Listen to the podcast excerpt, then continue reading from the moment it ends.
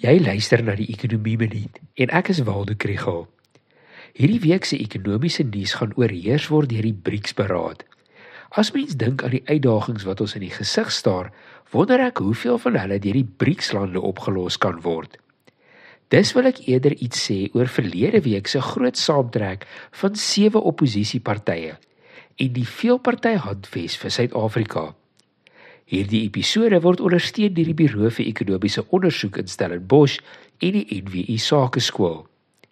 Vanuit 'n ekonomiese beleidsoogpunt stel die handves al die regte prioriteite soos ekonomiese groei en werkskepping, energie-sekuriteit, basiese dienslewering deur hoë kwaliteit infrastruktuur en so voorts.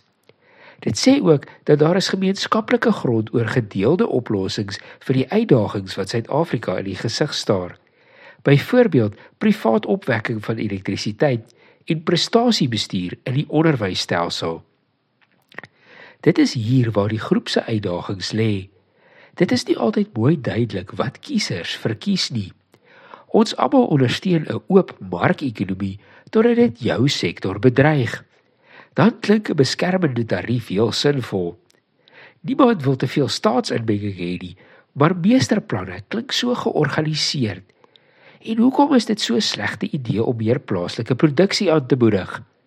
Ons is nie almal altyd die vrye markiers wat ons dink ons is nie. By dit alles het selfs goeie beleide oor die korttermyn wenners en verloorders. En politici is nie daarvoor bekend dat hulle voor 'n verkiesing goed is daarmee om die nuus vir die verloorders te breek nie. Hierdie groepering gaan dus hard moet werk om konsensus te bou oor die ekonomiese beleid wat nodig is.